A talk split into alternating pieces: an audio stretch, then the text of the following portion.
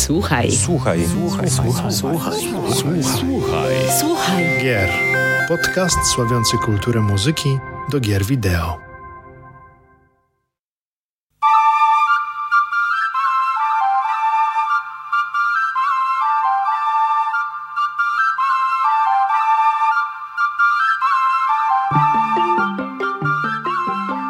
Dobry, dobry wieczór. Z wirtualnego studia, jak zawsze, wasz wierny samuraj kłania się w pas. Mariusz Borkowski oraz specjalni goście, którzy dzisiaj zawitali do mojego przenośnego studia. Zatem witam drogie słuchaczki oraz drogich słuchaczy, a także widzów już w 66. odcinku podcastu Słuchaj Gier, oficjalnego podcastu audycji serwisu gamemusic.pl, który sławi i przybliża kulturę muzyki oraz sound designu w grach wideo. Z tego miejsca jak zawsze zachęcam Was do słuchania naszych podcastów oraz zapraszamy do subskrybowania kanału na Spotify, Apple Podcast, a także na YouTube. Dziękujemy za Wasze dotychczasowe wsparcie w postaci komentarzy, a także łapę w górę oraz dół. Nie zapominajcie o tym biednym dzwoneczku. Oprócz tego z tego miejsca e, dziękujemy obecnym, a także przyszłym patronom, którzy bezustannie wspierają nas datkami na Patronite oraz Coffee. A dzisiaj ze mną w studiu są Arkadiusz Haratym, orędownik, który bezustannie od wielu lat szerzy dobre słowa o muzyce do gier wideo na łamach kanału Gracze Słuchacze, prywatnie podróżnik, odkrywca odległych krain, grafik oraz malarz. Witaj Arku, cześć! Cześć, z tym malarzem to może przesadziłeś, ale, ale reszta w zasadzie się zgadza. Niezmiernie się cieszę, że tra tra trafiłem, zaś no to jest naprawdę legenda, zaś kolejnym moim specjalnym gościem jest nie byle jaka persona, ale jedyny oraz niepowtarzalny Michał Mazur Akamazi, który niczym współczesny Ronin, szczegąc wartości staroszkolnych graczy, szerzy dobre oraz pozytywne słowa na łamach czasopisma Bezga Stream. Na co dzień naukowiec mieszkający w Sapporo z pasji poszukiwacz unikatowych skrzynek i budek na listy pocztowe. Witaj serdecznie, Michale. Witaj serdecznie, Mariusz. No aż powiem ci, że się zarumieniłem tutaj. Nie widać tego na... Ale taki był cel. tak. Ale taki był cel. no. Dziękuję bardzo za miłe przedstawienie mojej osoby. Ja, panowie, jestem bardzo wam wdzięczny, że w dosyć takich niespodziewanych okolicznościach e, udało się w końcu spotkać, bo przekładaliśmy nagranie tego wyjątkowego dzisiejszego um, podcastu, audycji. Dlatego ja wam bardzo wam serdecznie z tego miejsca dziękuję. E, drodzy panowie, zanim przejdziemy do głównego tematu dzisiejszej rozmowy, w zwyczaju mamy, że zaczynamy od pytania, czego ostatnio słuchaliśmy, zatem pozwolę e, zacząć może od Ark Arku co? Czego ostatnio może słuchałeś? No, znaczy, że znaczy ostatnio przygotowywałem e, takie moje zestawienie roku, co było takiego fajnego w tej muzyce z gier 2022, więc tak e, poza tym, że tworzę to zestawienie na bieżąco, to e, zawsze się okazuje, że pod koniec roku e, mijasz 30-40 tytułów, więc tak no to słuchałem głównie właśnie jakichś tam niezależnych rzeczy albo rzeczy, których nie miałem do końca humoru w tamtym czasie, jak wyszły przesłuchać. E, no to to było, ale z jakichś takich konkretów to, no to już jest za mną, więc teraz już przygotowuję, wiadomo, nowe Świeży umysł po prostu, już tak. teraz jesteś gotowy na coś nowe, e, nowego, jak my wszyscy to, chyba. Tak? To czy słucham, na, przedtem słuchałem, żeby przesłuchać, a teraz słucham dla przyjemności, wiadomo.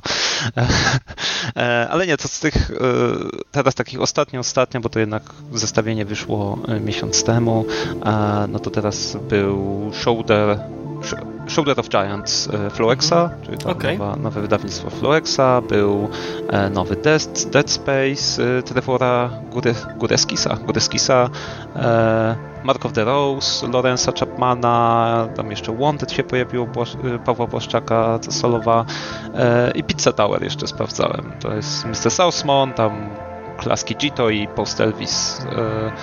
No, no, spoko, tak w sensie w Shoulder of Giants tak fajnie, miła niespodzianka od Floexa. Tak, zupełnie, się, zupełnie że... w inną stronę poszedł, to znaczy dalej słychać te takie zacięcie e, Tomasza Dworzaka, a, ale jestem, naprawdę też jestem pozytywnie zaskoczony tą ścieżką dzieką. Szkoda, że ona jest taka krót, króciutka, bo raptem chyba tam, popraw mnie, jeżeli się mylę, chyba 6-7 utworów chyba jest tylko. No, to wiem z pół godziny może, ale w porządku, tak w sensie, no, lepiej niż na przykład ten Papetura, na przykład, na którą liczyłem, że będzie fajniejsza, to był taki, był taki słaby Floex, taki e, Floex, który e, miał odrobinę czasu między e, podwieczorkiem a kolacją i coś tam napisał. E, I no ten nowy Dead Space też jest fajny. Tak w sensie, ja pamiętam te zachwyty nad Gravesem, który robił właśnie oryginał i dla mnie był trochę asłuchalny wtedy, a to co przyniósł właśnie Trevor Góreckich. To chyba w ogóle pierwsza jego e, muzyka z gier tak naprawdę, bo on, jak sprawdziłem sobie, seriale przede wszystkim e, pisze do seriali filmów. E, fajne, tak. To, się, to jest podobny wciąż taki klimat tej jakiej opresyjnej, horrorowej muzyki symfonicznej, ale jest bardziej przystępny. Po prostu milej, milej się tego słucha generalnie.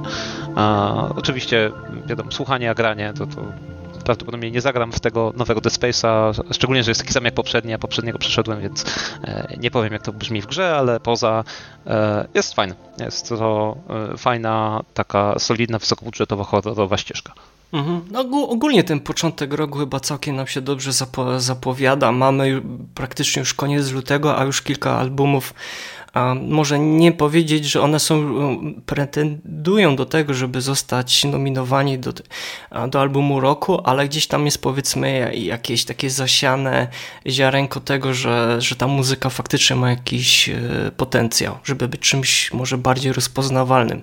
Dzięki, dzięki Arku wielkie za, za, za tutaj propozycję i też jakby jeżeli nas słuchacie na, na YouTubie, to prawdopodobnie też pojawią się w opisie propozycje od Arka.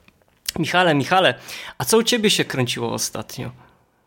Ostatnio początek roku był dość zapracowany, więc raczej muzycznie uciekłem w stronę takich spokojnych klimatów, które coś właśnie co leci w tle, co mi pomaga się skupić. No i głównie ostatnio przesłuchiwałem kilka takich ulubionych YouTube'owych kanałów grających muzykę lo-fi Pewnie o, kojarzysz oczywiście. Low Fidelity. Tak. No to jest super, bo to wiesz, jak, jak musisz się skupić na pracy i masz dużo takiej właśnie umysłowej roboty, no to właśnie muzyka lo-fi jest, jest super, bo tak właśnie cię relaksuje, wprowadza fajną atmosferę w pokoju i jest trochę też nostalgiczna. No i przeważnie właśnie jak, jak coś takiego muszę nad czymś pracować, to mi bardzo właśnie takie kawałki wchodzą. No a jak wiesz też lo-fi miesza różne gatunki, no i jest, jest trochę hip-hopu, jazzu, muzyki elektronicznej, więc no, można sobie tak przelecieć no właśnie od, od klimatu do klimatu. No. A z takich nowszych rzeczy, no to ostatnio no to nic takiego większego nie, nie słuchałem. Um, w święta Bożego Narodzenia wyszedł bardzo fajny musical Spirited który tam y, był chyba na, Apple Plus, no i potem właśnie razem z tym musicalem był fajny album, więc on mi tam trochę w święta kojarzy, w święta mi tam e, dotrzymywał towarzystwa, a styczeń, luty to raczej powrót do klasyki. Wróciłem do starych, e, najlepszych kawałków e, YouTube i tak bawię się ostatnio i szukam sobie różnych fajnych coverów piosenek z lat 80., 90. No i tak tak wkraczam w ten rok. A powie, mm. znaczy, to jest cieka- tylko taką ciekawostkę, do, nawiążę do, e, do tych kanału Lofi, taki jest najbardziej chyba popularny z tą taką dziewczyną siedzącą, i machającym e, kote, e, kotem, który ogonem tam macha na, na parapecie. Tak, ale co zabroniony, jest zabroniony ta, kanał. On został ściągnięty teraz i wciągnięty. To jest ten lofi, hip-hop, tak. tu relax. Tak, tak, tak. Ale, wie, ale wiecie, co jest tak, tak. niebywałe? Że tak się to rozwinęło, że, on, że arty, znaczy, bo to jest chyba artysta, który skupia różnych artystów, DJ-ów, którzy tam montują czasami chyba na żywo, na, bieżąco, na bieżąco. To ja znalazłem ostatnio w sklepie muzycznym e, składankę na kasecie magnetofonowej z tego kanału. O! To jest niesamowite. To jest niebywałe. Na płytach winylowych to już wiedziałem, że są, ale że na kasecie magnetofonowej, to, że kasety magnetofonowe wracają do łask jak płyty winylowe blisko 10 lat temu czy 15, to, to kasety magnetofonowe od chyba, nie wiem, też gdzieś w okolicach 10-15 lat e, w Kanadzie bardzo mocno mm, nagle taki boom e, pojawił się i to przerodziło się do tego stopnia, że w Europie nawet te znane nazwiska pokroju, nie wiem, Madonna czy Lady Gaga też zaczęły publikować na kasetach magnetofonowych stare i nowe albumy, nawet Björk odświeżyła e, sw swoją listę. Więc to jest, no wiadomo, to jest dla osób, które kompletnie jakby znają i urodziły się w tych czasach analogowych i pamiętają jak, i te brzmienie mm, tej, tej, tej muzyki. Tak więc to jest taka ciekawostka, takie wtrącenie z mojej strony. Zaś jeżeli chodzi o mnie, co ja słuchałem, ja jakby w moim przypadku to oczywiście dwa albumy. Pierwszy to jest e, Card Shark Original Soundtrack Andrea e, Boccadaro. Kiedy już przesłuchacie tak naprawdę ten album, to jestem pewien, że natchnieni jego atmosferą sięgniecie po dzieła dawnych mistrzów i tutaj muzyki klasycznej. No muzyka do gry Card Shark e, zabiera nas do XVIII-wiecznej Francji. No, stajemy się tam świadkami wielu historycznych wydarzeń, a skomponowane utwory autorstwa wspomnianego kompozytora no, są z ukłonem w stronę epoki romantyzmu, tak więc bardzo taki melodyjny album i bardzo klasyczny, więc tutaj zachęcam osób, które sobie cenią te, takie, e, takie te klimaty. Zaś kolejny album, no to to jest taki trochę mój powrót do dzieciństwa, czy do dzieciństwa, do bycia nastolatkiem, czyli Street Fighter Alpha 3 soundtrack e, skomponowany przez zespół Capcom South Team. E, taka Yuki Iwai, Yuki Iwai, Isao Abe, Hideki Okuawa i Tetsuyo Shibata. No szczęśliwym trafem jakiś czas temu do mojej domowej płytoteki trafiło analogowe wydawnictwo z muzyką do gry Street Fighter Alpha 3, wydane nakładem brytyjskiej wytwórni Laced Records. No i nie minęło dosłownie kilka e, dni, kiedy pod wpływem nostalgii od razu wróciłem do samej gry, przy której jako nastolatek no, spędziłem ogromną ilość czasu. Zaś sama muzyka, no to jest, sądzę, taka kwintesencja japońskich salonowych bijatyk, z czego studio Capcom zasłynęło w umysłach wielu milionów graczy. No i słyszymy tutaj dynamiczne gitarowe riffy oraz brudne, acz melodyjne brzmienia elektroniki. No dla mnie to jest genialna ścieżka dźwiękowa, która o 180 stopni wywróciła muzykę do serii Street Fighter, tak więc bardzo serdecznie polecam. Dobrze, mm, panowie, dzisiejszym tematem rozmowy będzie sylwetka muzyczna Yoko Kano, no, Mozarta w spódnicy, że tak powiem, pozwoliłem sobie nazwać kompozytorkę, a także artystkę o wielu muzycznych twarzach, szerzej znana publiczności z takich e, projektów jak Macross Plus, Record of Lodos War, Chronicles of Heroic Night, Cowboy Bebop, Jinro, Excaflon, Ghost in the Shell, Stanalone Complex, Warsley, no i wielu innych praw, w tym również jako producent muzyczny, a nawet osoba przygotowująca aranżację utworów. Ale trzeba sobie szczerze powiedzieć, że ona tak naprawdę zaczynała i wiem, że będziemy zaraz na pewno poniekąd każdy z nas, ja wiem, że Arek jest tutaj e, no, specjalistą, jeżeli chodzi o kompozytorkę, więc przypuszczam, że też bardzo dużo tutaj ciekawych rzeczy ze swojej strony dopowie. E, ja bym też tak chciał, żebyśmy się skupili oczywiście więcej na samej muzyce kompozytorki. Owszem, gdzieś tam kilka słów e, o niej opowiemy, ale trzeba sobie jasno powiedzieć, że sama kompozytorka zaczyna od gier wideo i to już zanim jakby stała się taką ikoną w Japonii, jeżeli chodzi o kompo komponowanie muzyki do japońskich animacji, to kompozytorka zaczynała tak na e, dobrą sprawę chyba od gier wideo, Arku popraw jeżeli się mylę. I to był chyba gdzieś w okolicach 85 roku. Na Nintendo Entertainment System pojawiła się pierwsza gra e, jej, kom jej kompozycji, to był Romance of the Three Kingdoms od Koei, e, no ale chyba najbardziej zasłynęła i chyba przez wielu fanów jej twórczości twórczości to chyba najbardziej rozpoznawalna muzyka do gry Naple Tales Arcia of the Daydream, e, gra wydana na Sega Dreamcast z 2000 e, roku i chyba przez niewielu znana, mam, mam tak sądzę, ta, ta gra. Ale panowie, mm, pytanie do was od razu.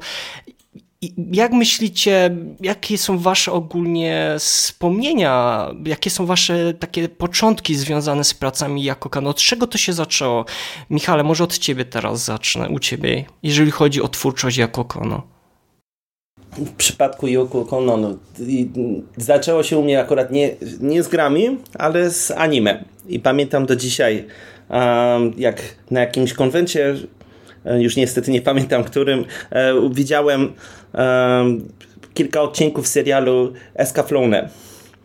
The Visions of Escaflowne i tam właśnie pamiętam, że kawałek Yoko Konno, jak Sokoła Iranaj był, otwierał otwierał każdy odcinek. No i wpadł mi bardzo w ucho, więc oczywiście, jak to mam w zwyczaju, chciałem się dowiedzieć właśnie, kto to skomponował i no i tak trafiłem na Yoko, no i zacząłem po prostu grzebać, no i, no i poznałem jej twórczość.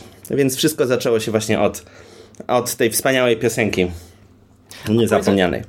E, tak, ja, ja to oczywiście za chwilę będę mówił. Pamiętasz może zaraz jak usłyszałeś pierwsze jej pracę, to nie wiem, zainteresowałeś się samą kompozytorką, nie wiem, zacząłeś grzebać w internecie. Wiadomo, że wtedy to takie informacje były średnio dos, dostępne. Um, czy później, nie wiem, starałeś się specjalnie szukać kolejnych animacji, do których ona skomponowała, czy dziwnym trafem znowu trafiłeś na animację, gdzie napisała muzykę? Akurat właśnie tak jak mówisz, e, e, druga opcja. E, w tym czasie właśnie jak pojawiło się SK Flone, było też kilka innych seriali anime i filmów, które również skorzystały z jej kompozycji. Więc można powiedzieć, że jak już właśnie rozpoznałem um, już i ten jej charakterystyczny styl, to później już tam drogą asocjacji udało mi się e, namierzyć parę innych utworów bez patrzenia e, kto je skomponował. Po prostu już ten jej charakterystyczny styl e, był na tyle ewidentny, że właśnie mogłem tak jak po nitce do kłębka tak poznać kilka innych jej kawałków. Pamiętam jeszcze, był, że był taki, było takie anime Raksefon bodajże, potem właśnie... Tak, tak, był Raksefon. Tam no. dwa sezony. I oczywiście później, później y, okazało się, że również miała bardzo duży udział w, w Cowboy Bebopie, więc co, co, też na początku nie wiedziałem, ale jak już tak się otworzyłem, no to wszystko to zaczęło się ze sobą fajnie łączyć. no. Nie, powiem, powiem, dla mnie to zanim Arkowi oddamy głos i poznamy też jego historię, ja byłem w ogóle w szoku, bo jakby przygotowując się do dzisiejszej audycji na, na, e, ja powiem szczerze, nie, nie byłem i nie wiem, czy będę jakimś wielkim fanem e, Yoko, e, Yoko Kano, oprócz oczywiście Cowboya, Bipo, Cowboya Bipopa i może Macrosa Plusa, ale to może oczywiście za chwilę będziemy rozmawiać, ale ja byłem w szoku, że ona zaczęła jakby tą swoją e, karierę, jeżeli chodzi o animacje japońskie, to zaczęła od przygotowania aranżacji e, do Porco Rosso ze studia Gimli. Ja na przykład o tym kompletnie nie, nie wiedziałem. Ona tam była odpowiedzialna za przygotowanie aranżacji do tej piosenki Once in the Wild, uh, Talk of the Old Days bodajże. Ta się piosenka chyba tam na, nazywała. Zresztą Porco Rosso to jest obok sąsiada Totoro moja ulubiona animacja e, ze studia, ze studia Gimli.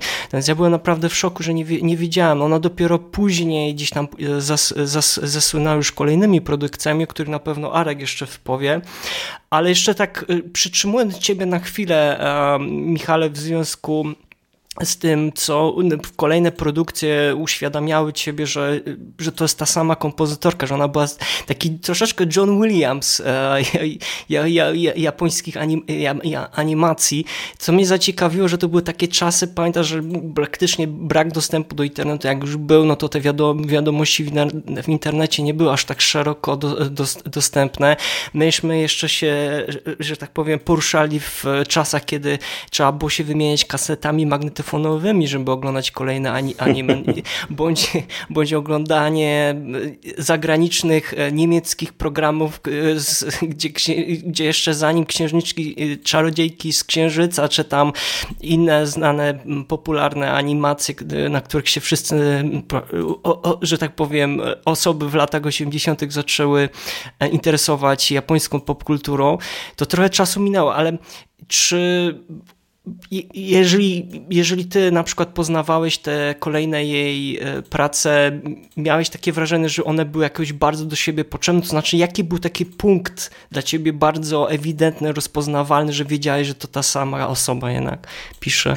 Hmm, to tak, e, nie wiem, spróbuję to tak ująć w słowa po swojemu, ale tak mi się wydaje, że właśnie Yoko Kanno w pewnym stopniu przypominała mi mojego innego ulubionego kompozytora japońskiego, Yasunori Mitsude.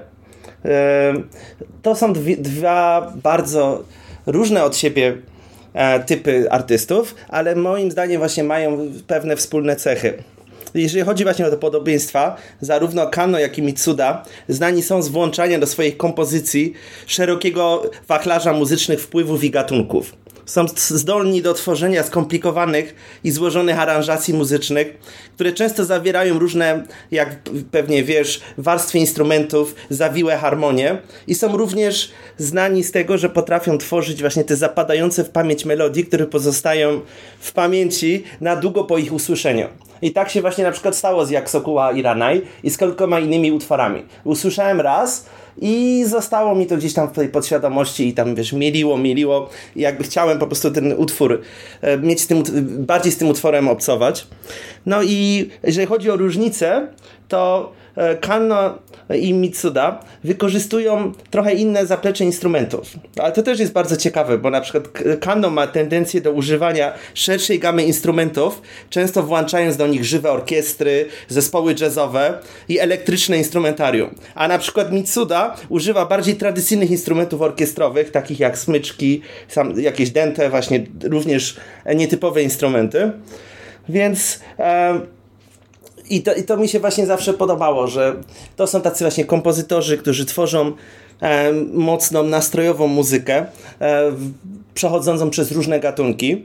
No i jakby właśnie w ten sposób e, Kanno i Mitsuda no, tak wskoczyli właśnie na, do tej mojej pierwszej piątki ulubionych japońskich kompozytorów.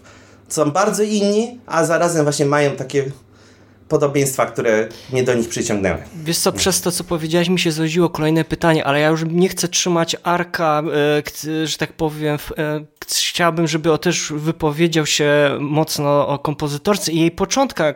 Arku, jaki to był twój, jak wyglądał twój początek z Yoko Kano?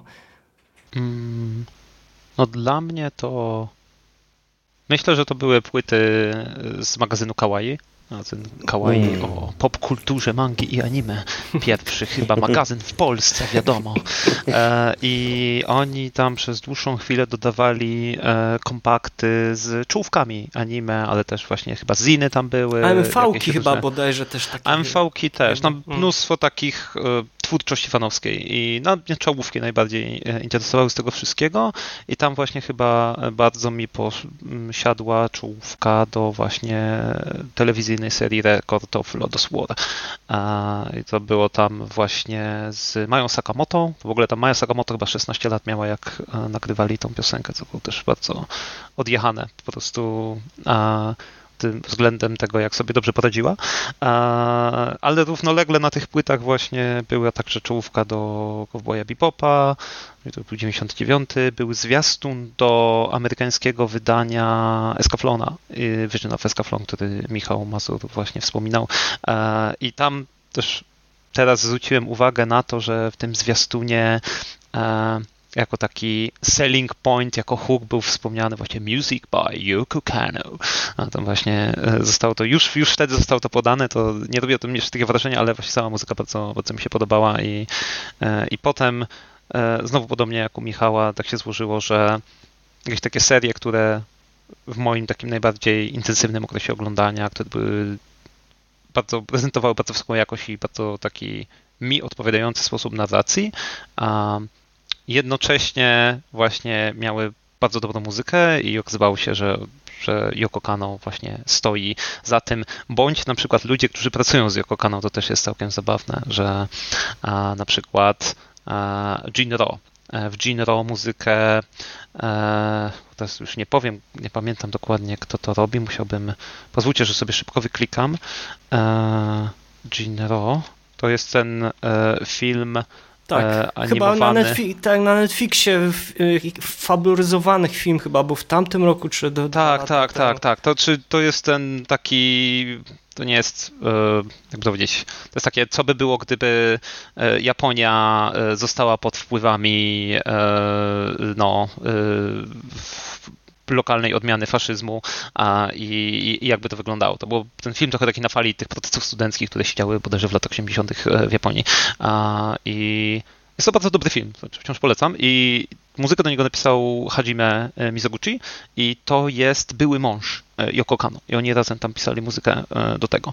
Ale na przykład jest, nie wiem, Trigun na przykład, albo Hajime no Ippo, czy Gungrave. I tam muzykę pisze jeden z moich ulubionych kompozytorów Tsumeo Imafori. I to jest człowiek, który również na bardzo wielu soundtrackach Yoko Kano gra na gitarze prostu jest jej supportem, więc to też e, im głębiej się wejdzie właśnie w tą scenę tych takich bardzo dużych, bardzo dużych wpływowych e, produkcji tych 90. i początku 2000, to, to jest taka sieć tych kompozytorów, którzy robią bardzo dużo rzeczy e, ze sobą albo właśnie solowo w tych swoich projektach. No ale też to tak można powiedzieć, że te lata, nie wiem czy się zgodzicie ze, e, ze mną, zanim przejdziemy jakby do, do kolejnego pytania, to nie wiem czy się ze mną zgodzicie, ale te lata 80. i lata 90. były bardzo płodne, jeżeli chodzi o Japonię i nie chodzi mi tylko wyłącznie o muzykę do gier wideo, bo o tym to można byłoby oddzielną audycję, zresztą maraton można byłoby w sumie nagrać, ale tak w przypadku animacji japońskich było. E, ja wiem, że mogę teraz brzmieć jak jakiś boomer, e, dziadek, ale z całym szacunkiem lata 80., 90. to był dla mnie osobiście chyba też najlepszy okres muzyczny dla japońskich animacji. Nie wiem, Arku, zgodziłbyś się z, te, z taką tezą? Różnie. Powiem tak, no teraz nie słucham tej e, muzyki z anime tak bardzo. Może dlatego, że właśnie Yoko Kano bardzo rzadko już pisze e, w tym momencie, ale z tych nowszych rzeczy, powiedzmy, które się pojawiło, e, fajnie sobie sprawdzić Kevina Penkina. Kevin Penkin A, zrobił tak, tak. do, do Made in Abyss. Tak. I znowu, mi się może podobać Kevin Penkin, dlatego że znaczy, słuchałem z nim kilka wywiadów i on nigdy nie mówi tego, nigdy nie jest to powiedziane, ale on brzmi dla mnie bardzo jak Yoko Kano, pewien sposób kompozycji czy romantyczności tej muzyki, jaki właśnie ten taki rozmach, e, ten taki elementy world music e, e, i nie wiem, taka, jest dobra zabawa, która tam jest po prostu w tej muzyce. Znaczy Yoko Kano to jest chyba najfajniejsze dla mnie, żebyśmy tak może nie skakali między tematami, ale jeszcze rozwinę to potem, że dla mnie Yoko Kano to jest właśnie że ona wydaje się dobrze bawić z tą muzyką. I ona wydaje się bardzo dobrze rozumieć to medium i dobrze się nim bawić, co, co bardzo słyszalne. I Kevin Penkin wydaje się robić taką bardzo podobną muzykę i no, jest to coś, co tej współczesnej muzyki z gier, czy muzyki z anime jakoś tam nie słuchacie, no to, to, to jest takie, takie dobre wejście.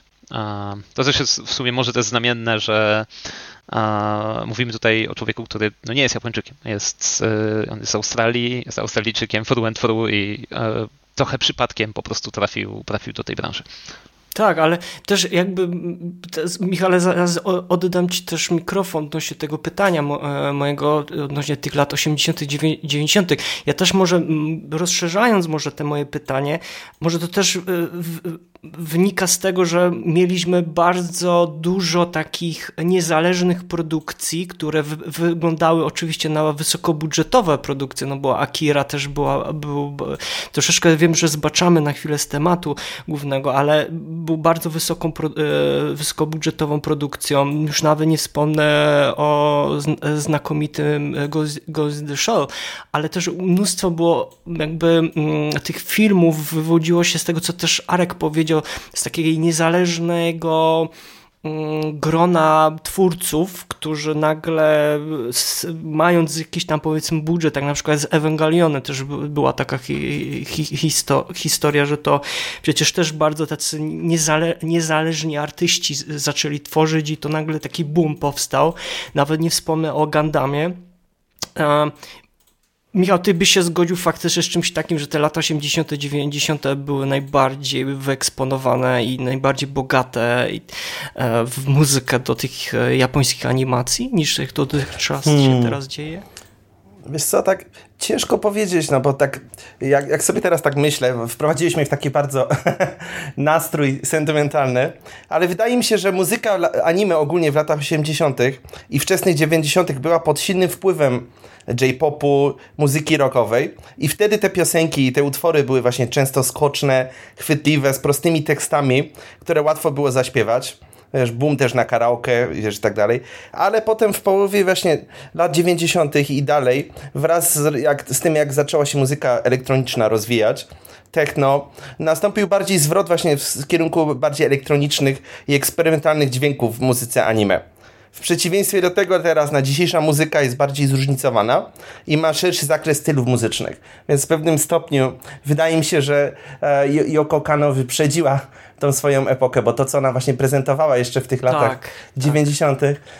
no to widzisz, no Mamy to teraz w różnych anime, bo jeżeli odpalisz te anime właśnie nowsze, też ich nie oglądam, ale pewnie zauważysz, że praktycznie każdy serial ma trochę inną e, muzykę i to mogą być naprawdę przeróżne style. No, wiesz, I dlatego, że te lata 80. mi się wydawały właśnie bardziej e, trzymały się jednego konkretnego stylu, który był jakby właśnie e, powielany przez wiele, e, przez wiele produkcji, no a teraz no, teraz mamy właśnie, no bardzo się to zmieniło, też rola muzyki w anime bo kiedyś właśnie e, muzyka w anime była używana głównie właśnie na przykład e, w tych moty motywach otwierających i kończących, a dzisiaj no jest, jest bardziej wbudowana jakby w, w całe to doświadczenie multimedialne i anime osiadają oryginalne ścieżki dźwiękowe starannie skomponowane, aby jednak uzupełnić narrację i wzmocnić to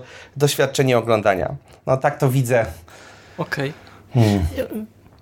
Arku, ty coś chciałeś jeszcze tutaj dopowiedzieć może? Tak, tak, tak. To czy jest jeden wątek, który mi tak przyszedł do głowy, bo e, te najpopularniejsze produkcje właśnie Yoko Kano, jeśli chodzi o anime, czyli no to Cowboy Bebop to tak już na wysoko, wysoko, wysoko, potem długo, długo nic e, w tej powiedzmy obecnej perspektywie, ale właśnie czy Vision of Escaflowne i e, czy właśnie Ghost in the Shell, tam wielokrotnie pojawia się w wywiadach, szczególnie na przykład w, w Cowboy Bebopie, że ta muzyka powstaje trochę przed animacją.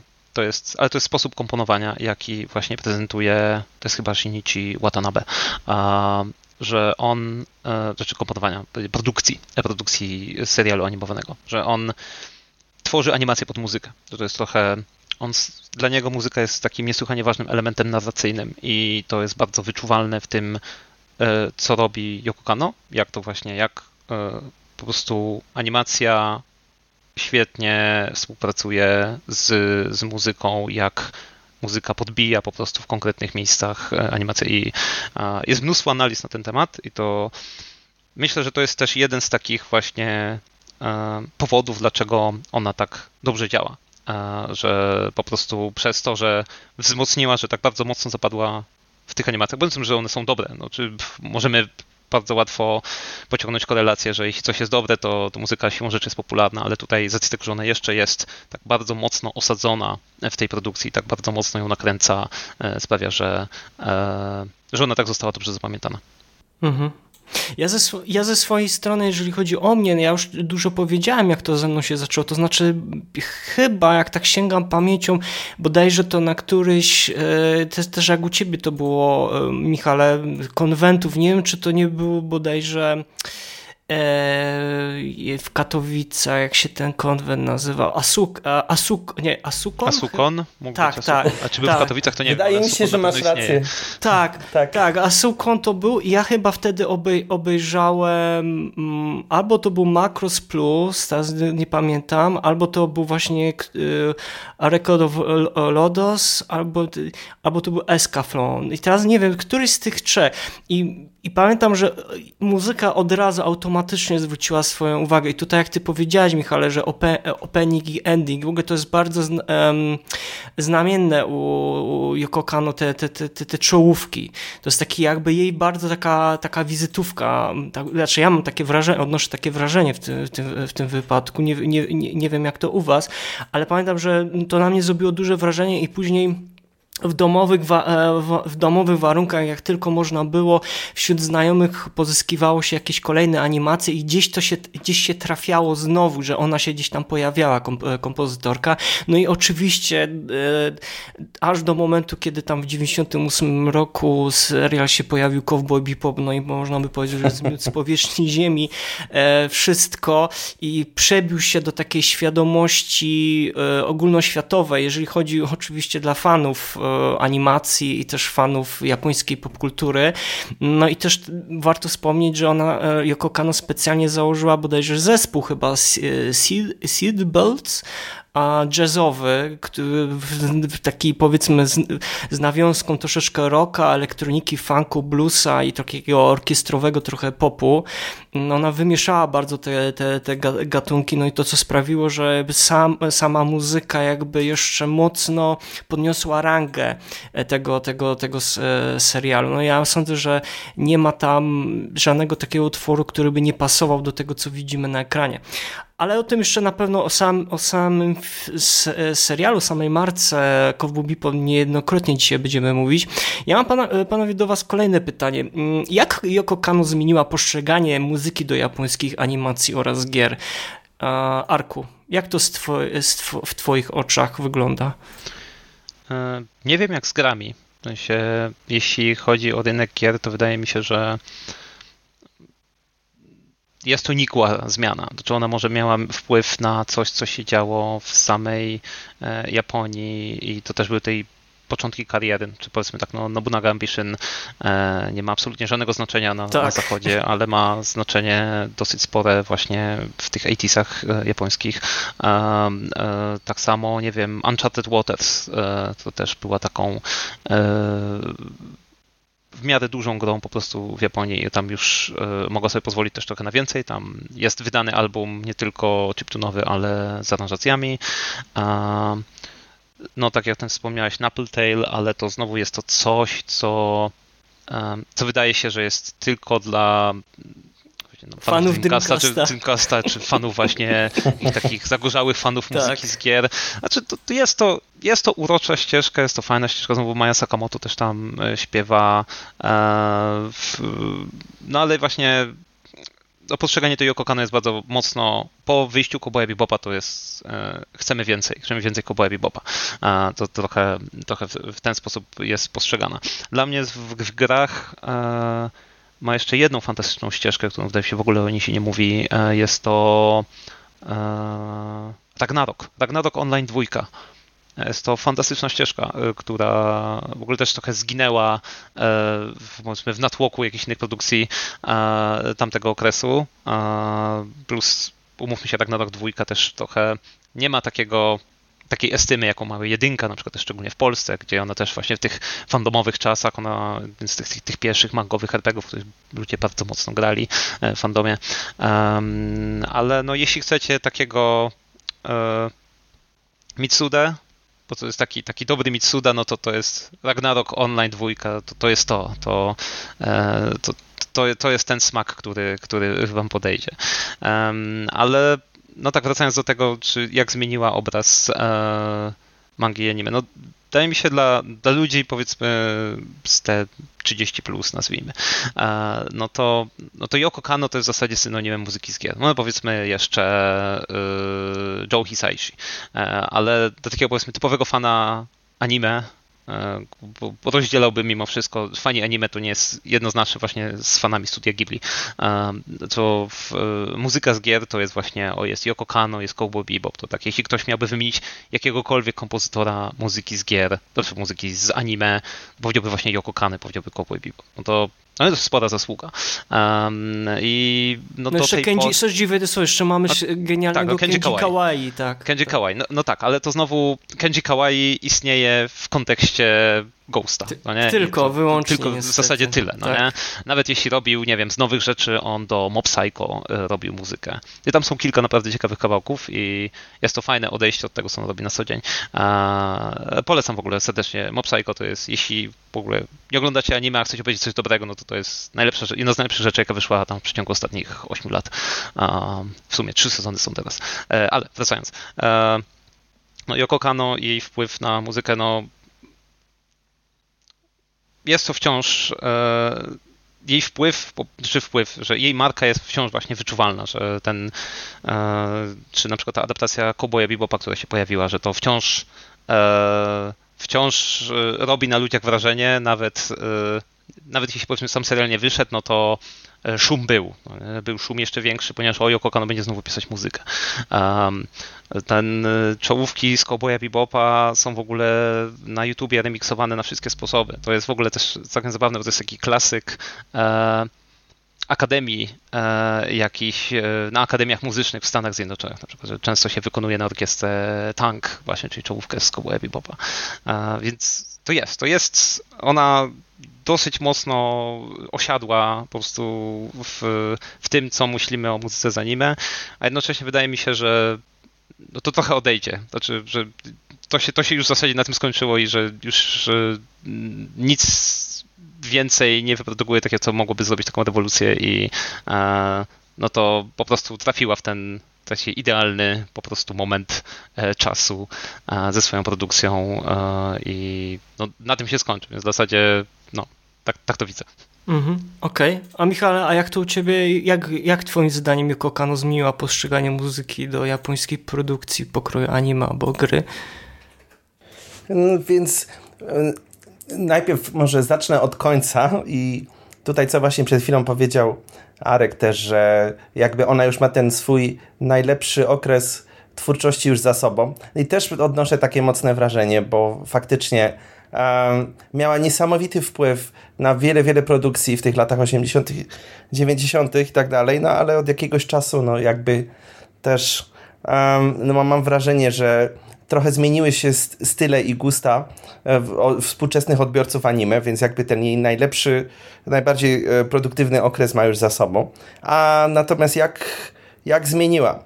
No przede wszystkim wydaje mi się, że e, dzięki niej e, właśnie w filmach anime e, pojawiły się bardziej innowacyjne ścieżki dźwiękowe, gdzie ona wniosła ten swój zróżnicowany styl i szeroki zakres gatunków. No i na pewno właśnie też wspominaliście wcześniej e, panowie o współpracy z e, Mają Sakamoto. I wydaje mi się właśnie, że również ten aspekt jakby ona też wprowadziła jako pewną innowację, kiedy zaczęła współpracować z różnymi utalentowanymi artystami w branży anime i gier. No i dzięki temu właśnie powstało, powstało kilka niezapomnianych dzieł. No i wydaje mi się też, że ta jej muzyka właśnie miała taki bardzo um, szeroki wpływ kulturowy, nie tylko na Japonię, ale także na świat, w czym pomogła w oczywiście popularność Cowboy Bebop. Więc e, wydaje mi się właśnie, że jakby ten przemysł anime i kształtował się właśnie po części też dzięki tej muzyce, którą ona e, wprowadziła. No i też wydaje mi się, że działało to w obie strony, bo ona właśnie jakby kształtowała ten, te, te, te seriale, choćby właśnie przez to, że ta muzyka często e, była tworzona, tak jak też wspominaliście, zanim jeszcze dokładnie było wiadomo, o czym to anime w 100% będzie. No i potem w rezultacie jakby ta muzyka wypełniała wiele rzeczy i tworzyła jeszcze bardziej e, niezapomniane, takie multimedialne wrażenie. Więc e, no tak wydaje mi się, że tak, no, te trzy, trzy rzeczy na pewno. Ja, Michale, zanim no. jakby dokończysz, Arku, ty coś chciałeś jeszcze tutaj dopowiedzieć odnośnie tego, co Michał zaczął mówić? E, tak, tak, bo tutaj Michał zwrócił uwagę właśnie na ten kontekst Japonii i chciałem rozszerzyć trochę swoją wypowiedź, bo znowu mhm. my mówimy tutaj o tym kontekście zachodnim, no nie? No to jak my widzimy też nasze odbieranie anime było też trochę przez pryzmat tego, co nam przyszło na przykład z Ameryki. Ameryka też lubiła ten filtr, więc e, dla reszty świata no to jest ten Kobo Bebop w zasadzie. E, to jest, to jest Yoko Kano. E, ale też warto zwrócić uwagę, że dla Japonii to jest znacznie, znacznie więcej, e, bo Yoko Kano robiła w Makrosie. Na przykład, e, to znaczy, że Makros Plus e, Znowu, to było coś, co było super wpływowe w Stanach Zjednoczonych i tam też, to, to była Yoko Kano, która się pojawiła w Stanach Zjednoczonych, a Cowboy Bebop niejako tam ugruntował po prostu tą pozycję. Ale dla a, Japonii to, to był Macross Plus, ale potem był teraz nie pamiętam, te Macross Frontier chyba to był, tak. E, te dwa nowe Macrossy, takie nowe, w sensie tam miałem 2000 żeby mnie skłamać, ósmy, siódmy, może tak, to, tutaj mogę kłamać troszkę, ale to 2000, 2000, e, czy, czy Gundam, czy Ternay Gundam, do którego robiła tą, czy soundtracki, to też było bardzo, bardzo duża rzecz dla, dla Japonii, więc, więc ona tam też dla fanów ma trochę taką estymę osoby, która przetarła się przez takie niesamowicie ważne dla tego przemysłu, dla popkultury japońskiej. Takie serii. dobro narodowe, jednym słowem można by Trochę tak. Czy, Tak. Z, drugiej, z drugiej strony ja też nie wiem, czy ona jest taka znowu, powiedzieć, niesamowicie rozpoznawalną e, osobą w Japonii. Tutaj nie wiem, jeśli e, Michał Mazur może coś do, do, dodać ze swojej perspektywy. Ja No bym ja trochę wiem, że- odwrócił, ona chyba No, nie no. jest, y, y, sorry Żarku, wchodzę Mhm, w zdanie, y, nawet nie tyle co, czy jest, czy nie jest rozpoznawalna na, ter, e, na terenie Japonii. Ja bym powiedział, że cały czas jakby wracamy do tego Cowboya Bebopa, no bo trzeba sobie to powiedzieć szczerze, to jej bardziej otwarło jakby drzwi takiej powiedzmy rozpoznawalności na zachodzie, tak? Ale ja mam takie wrażenie, że mimo tego Cowboya, Cowboya Bebopa i to, że niestety ta Netflixowa wersja wyszła taka jaka wyszła, ktoś może ją mniej lub bardziej lu lubić, ja sądzę, że ona nie jest taką rozpoznawalną e, kompozytorką w, w Europie czy w Stanach, jakbyśmy sobie chyba tego e, chcieli albo wyobrażali. Nie wiem, że to jest taka osoba, która e, jest w kręgach, takich jak my, między innymi, którzy się interesują pop- popkulturą japońs japońską, czy tam powiedzmy samymi tylko animacjami, to jak najbardziej będziemy kojarzyć. Ale w takim ogólnym, takim, dost w takim dostępnym jakby zarysie o, o muzyce na przykład, takiej światowej, to mało osób kojarzy. Jest taka nawet ciekawa historia, że gdzieś tam któraś izraelska orkiestra um, grała jej muzykę, o, wcześniej nie Nagrywali wiedząc... na pewno do tego, nagrywali do Macross Plusa. y, Tak, nie wiedząc, tak, nie, wie, nie wiedząc o tym, że to kto to i, i byli po prostu pod ogromnym wrażeniem rozmaitości i różnorodności tej, tej, tej, tej muzyki. I to jest właśnie ciekawe właśnie, że mimo, że mówimy o tej popularnych tych, te, dla nas oczywiście tytułach, ale dla takiej szerokiej, takiego niestety użyję słowa mainstreamu, ona jest praktycznie nierozpoznawalna. tej- Znaczy, Kompletnie. to ja tylko z ciekawostek też dodać, że e, był film e, Vision of Escaflowne, kinowa, e, kinowa adaptacja i on z kolei był nagrywany w Warszawie. Jest nawet film dokumentalny na ten temat, niestety po japońsku. E, ale wracając do tego, co powiedziałem, no, to, ja się zgadzam, to, to nie jest e, osoba taka, no, że to nie jest traktowana jako kompozytor tak, tej jakiejś takiej wysokiej klasy. On jest po prostu, jest jakimś tam elementem wiedzy fanowskiej, nazwijmy to, i, ona trochę odejdzie razem z tą wiedzą fanowską. Tak mi się wydaje, że to, to nie jest osoba, która jakoś y, jest powszechnie znana.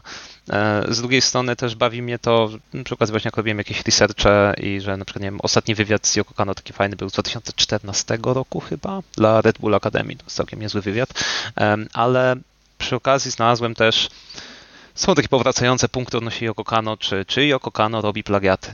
E, O i- właśnie, też chciałem to poruszyć. Ba, tak. Bawi mnie to, że to jest temat, który to czy wraca cały czas, cały czas przytaczane są te same argumenty i nie ma odpowiedzi. Nie ma odpowiedzi na zasadzie nikt nie spytał jej. jej nie spytał, nikt nie zrobił jakiejś kwerendy, więc to, to jest taka trochę jałowa dyskusja. Ale tak, znaczy bawi mnie to, że to jest wciąż taki temat, który wraca i który wzbudza jakieś emocje. E, no. Szukanie sensacji, jedno, jedno słowem można Znaczy, powiedzieć. to czy ja wiem to, skąd to się bierze. Znaczy kiedyś jak y, przygotowywałem, no to było tam naście lat temu, na Pyrkon bodajże przygotowywałem taką godzinną prelekcję o Kokano, to dosyć mocno zanurkowałem właśnie w fora fanowskie, jak, jak to jest postrzegane, czy jest jakiś konsensus odnośnie tego, czy to są plagiaty. Zaryzykowałeś wejścia do dark webu, tak? Mangowego dark webu, Tak. zgadza się. E, Już sporo z tych stron nie istnieje, ale niektóre wypowiedzi sobie skopiowałem i no to, są takie bardzo nazwijmy to w, duży, w dużym cudzysłowie, um, akademickie dyskusje, czyli no bo przecież jak to jest podobne do tego kawałku, to na pewno jest plagiat. Po prostu mm, jest to dyskusja o, takim takim zerowym zrozumieniu jak działa komponowanie muzyki po prostu, czy kontekstu sztuki, że a może to jest właśnie nawiązanie do jakiegoś filmu, a może to było celowe, a może tutaj to... Nikt, wydaje się, tego w ogóle nie sprawdza. I no ta dyskusja ciągnie się, ale jest strasznie mało merytoryczna. Z drugiej strony, no są kawałki, które faktycznie wydają się super podobne. Tam takim bardzo częstym przykładem, który jest powielany, to e, jest kawałek z Matrixa, E, I to jest bodajże Lunatic Calm i I Wanna Take You to the Roller Coaster, tam się taka fraza się pojawia. I jest bardzo, bardzo podobny kawałek w filmie kinowym Cowboya Bebopa. I to może być, znaczy ja widzę to trochę tak, że my chcemy trochę pojechać na popularności Matrixa, bo te filmy wychodzą trochę w podobnym czasie i trochę chcemy pojechać na tym. Ale znowu, to, że się zdarzają dwa podobne kawałki, to e, jest szansa, że naprawdę ludzie niezależnie od siebie coś tam wyprodukowali.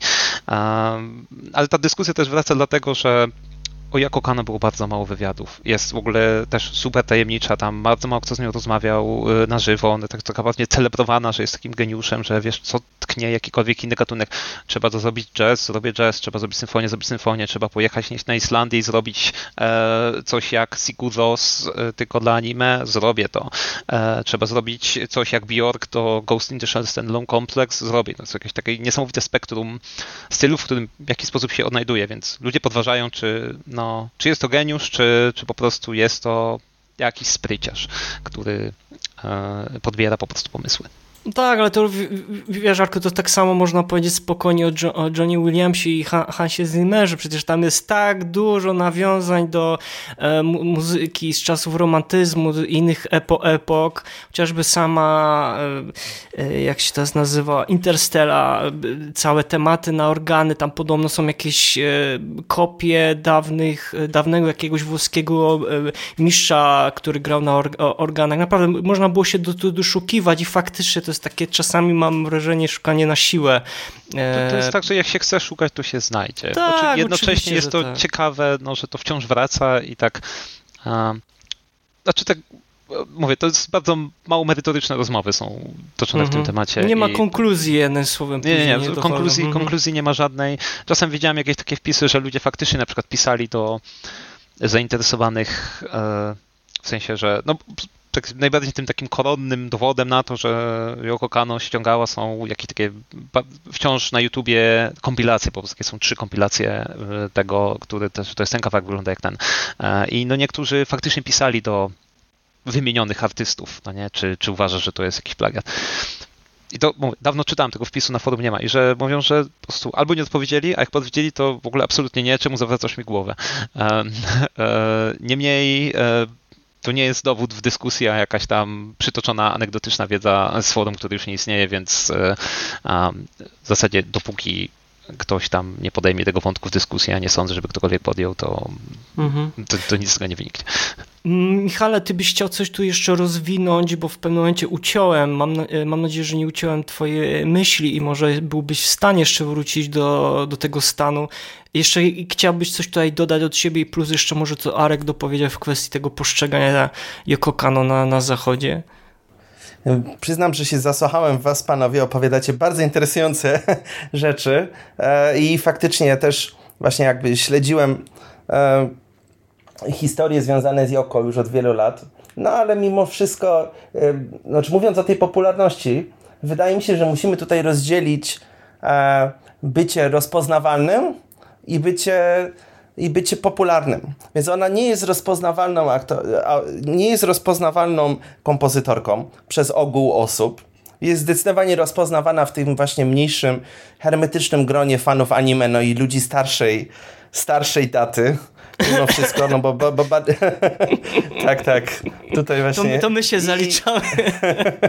no niestety, niestety tak. Ale z drugiej strony, jeżeli chodzi właśnie o bycie znaną kompozytorką, to wydaje mi się, że zdecydowanie nią jest. I to świetnie pokazuje e, to, że właśnie jej kawałki jej kompozycje były na przykład e, zamawiane przez wiele znanych e, firm japońskich, które właśnie płaciły jej za, za przygotowanie jakichś tam jingli, kawałków. No i wiem, że na przykład między innymi robił to, była jedna z największych sieci e, hipermarketów Ion w Japonii. Również no, przypuszczam, że jak tam wygooglacie, no to wyskoczy cała lista innych firm, który, z którymi ona miała właśnie jakąś współpracę. I to właśnie pokazuje, że jest jednak, że jest szanowana i jest ceniona, bo e, japońskie firmy w szczególności właśnie starają się zawsze unikać wszelkich skandali i sytuacji, które mogłyby e, przedstawić ich w złym świetle.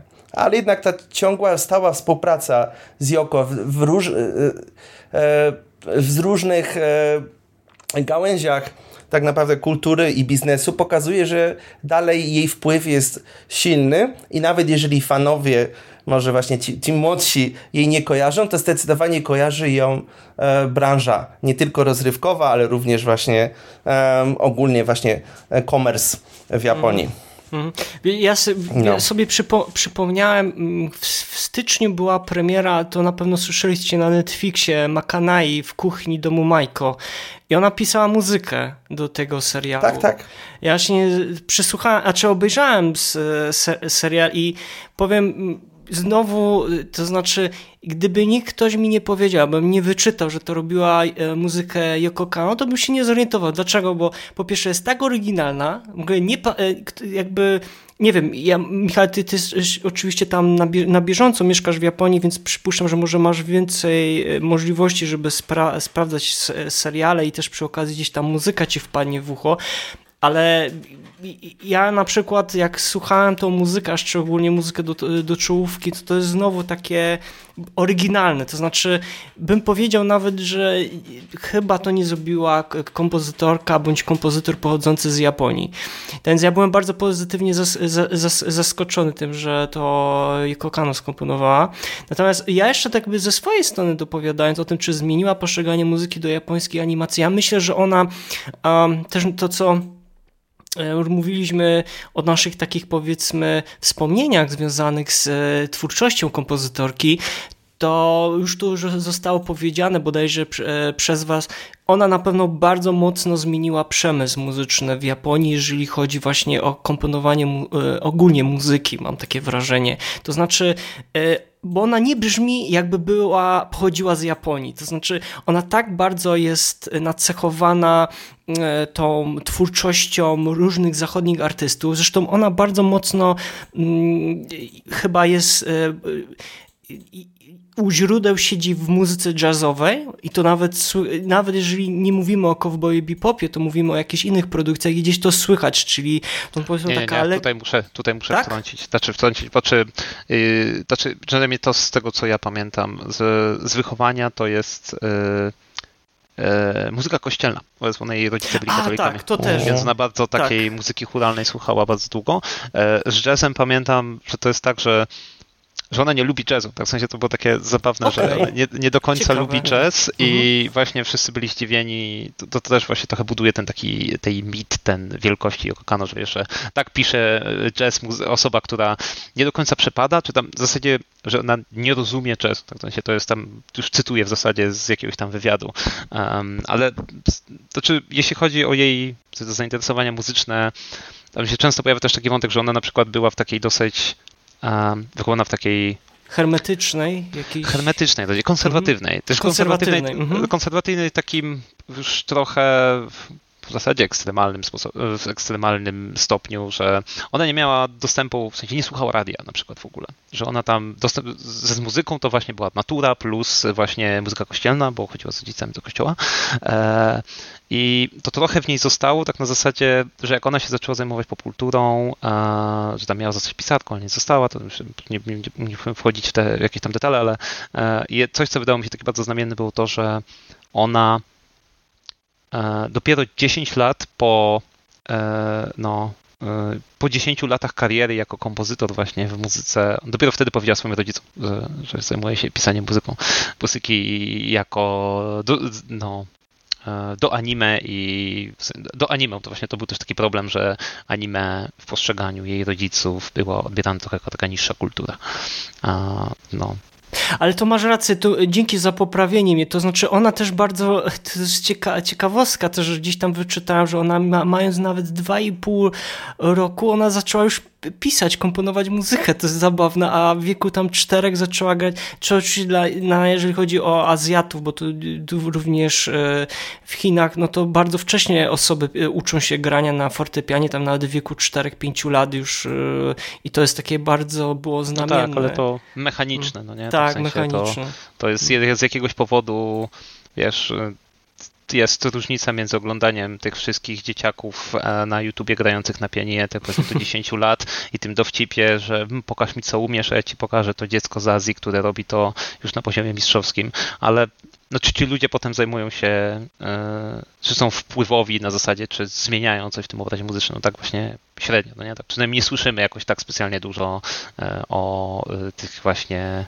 niesamowicie genialnych, wpływowych, tak, genialnych genialnych dzieciach, czy tak, tak, właśnie talentach, które dorosły, no nie? Że, tak jakby zamykając w klamrę też te, te, moje pytanie, które było do was, to ja tylko dopowiem, że faktycznie ona miała, w, mojej, w moich oczach miała większy wpływ e, e, jakby na, na swoich rówieśników, bądź rówieśniczki i też kolegów po, po fachu i koleżanki, e, to, że miała ogromny wpływ, że można troszeczkę inaczej pisać mu, muzykę, bo to też jak ty Michale powiedziałeś, no, trzeba powiedzieć, że mm, Japonia, no lata 60., 70., 80., ona wchłaniała wszystko wszystko, co pochodziło z zachodu, począwszy od jazzu, rocku, rocka, później wiadomo muzyka klubowa w latach 90. się po, e, e, po, po, pojawiła, nawet można powiedzieć pod koniec lat 80., ale ona naprawdę miała bardzo ogromny wpływ i mi się wydaje, że to, co już było powiedziane, że jak się mówi o japońskich animacjach, no to pierwsza myśl, jaka przychodzi nam do głowy, no to to jest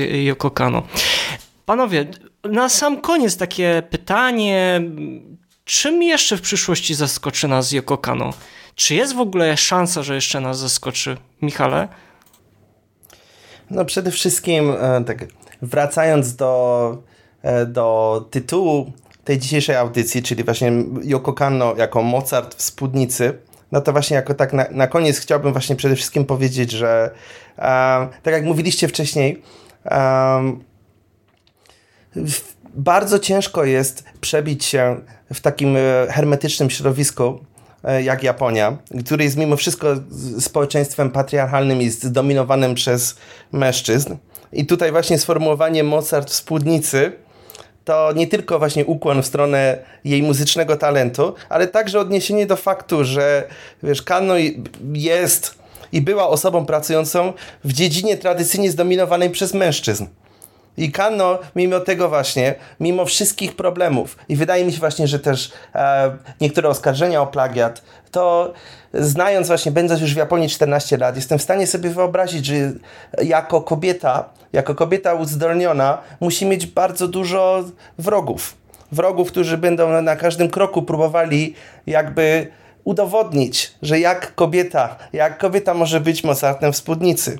A Kanno cały czas przełamuje te bariery i burzy te stereotypy tym swoim e, moim zdaniem prawdziwym talentem, torując również drogę innym kobietom do, do kariery muzycznej i inspirując e, kolejne pokolenia kompozytorów, mam nadzieję, e, do przekraczania granicy tego, co jest możliwe w muzyce. Więc w pewnym stopniu uważam, że właśnie, że e, chociaż tak jak właśnie wspominał Arek i muszę się z tym zgodzić, nie wydaje mi się, żeby e, uzyskała kolejne e, przebicie na, na, na miarę tego, co się wydarzyło już w latach 90., to mimo tego dalej uważam, że jeszcze o niej usłyszymy. Bo to jeszcze nie koniec, bo te osoby właśnie o takim talencie, które cały czas jakby się rozwijają i szukają tych nowych dróg, wydaje mi się, że będą się pojawiać. No pojawiła się, jak wspomniałeś, dwa, teraz w tym nowym serialu Netflixowym.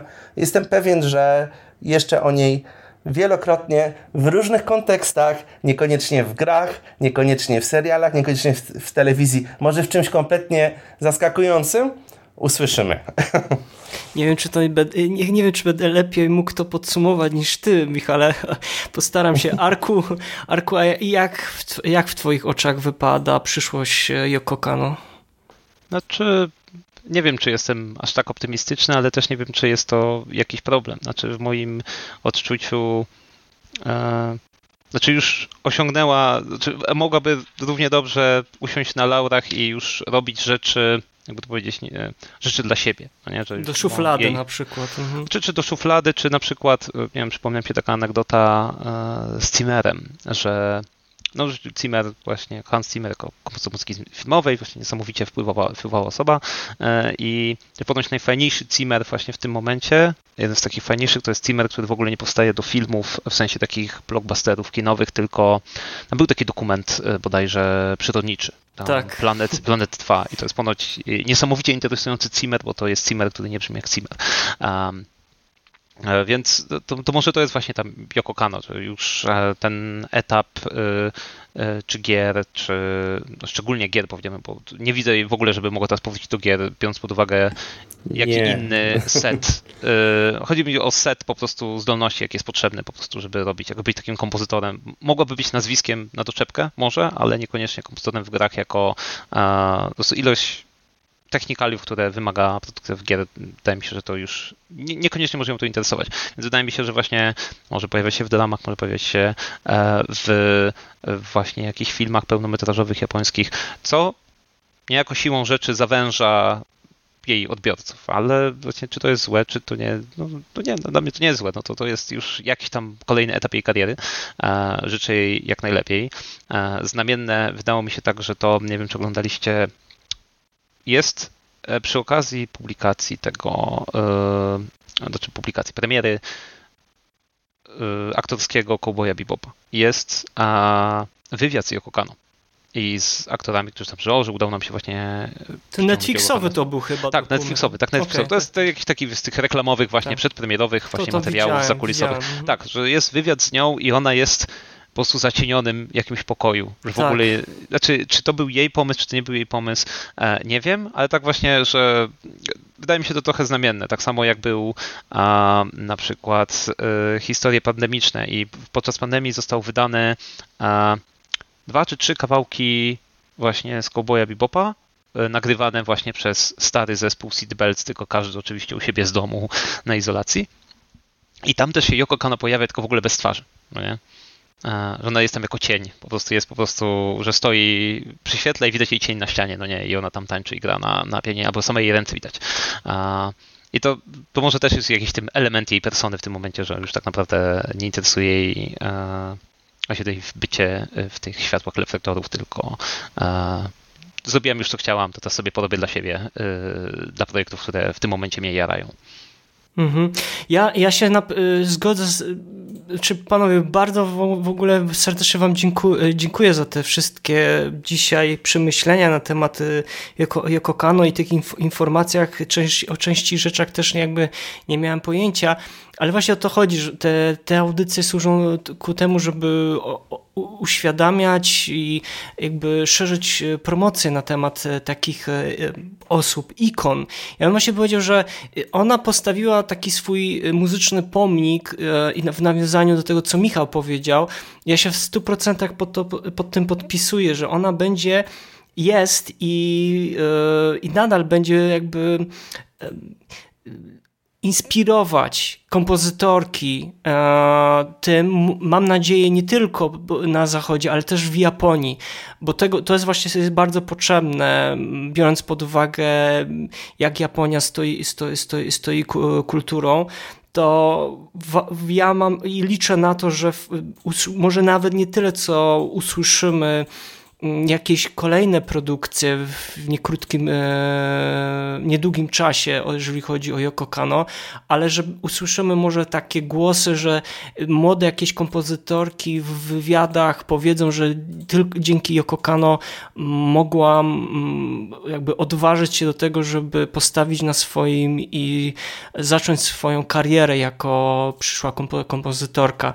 Czego tego sobie i wam wszystkim i wszystkim słuchaczkom i słuchaczom też i widzom e, życzę.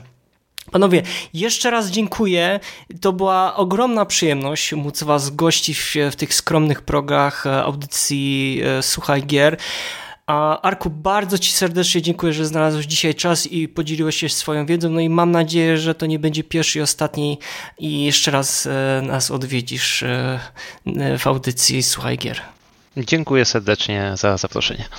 I tutaj od razu oczywiście też odsyłamy Was na profil facebookowy na Gracze Słuchacze, gdzie możecie też um, przeczytać informacje na temat e, muzyki do gier wideo i też popularnych albumach, które Arek e, poleca.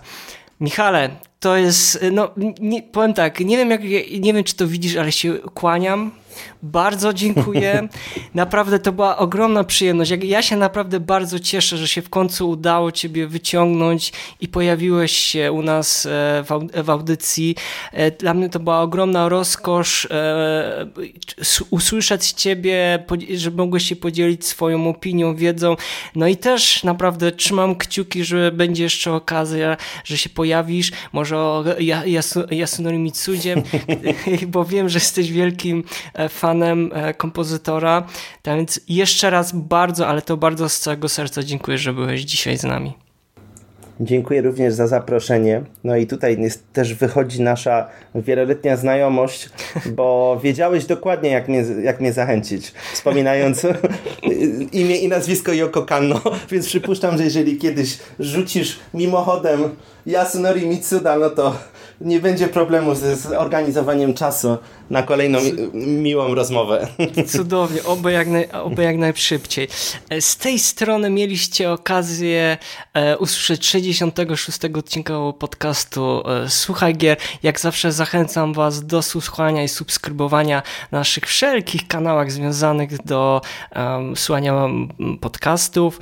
Jak zawsze kłania się serdecznie w pas Wasz wierny samuraj Mariusz Borkowski.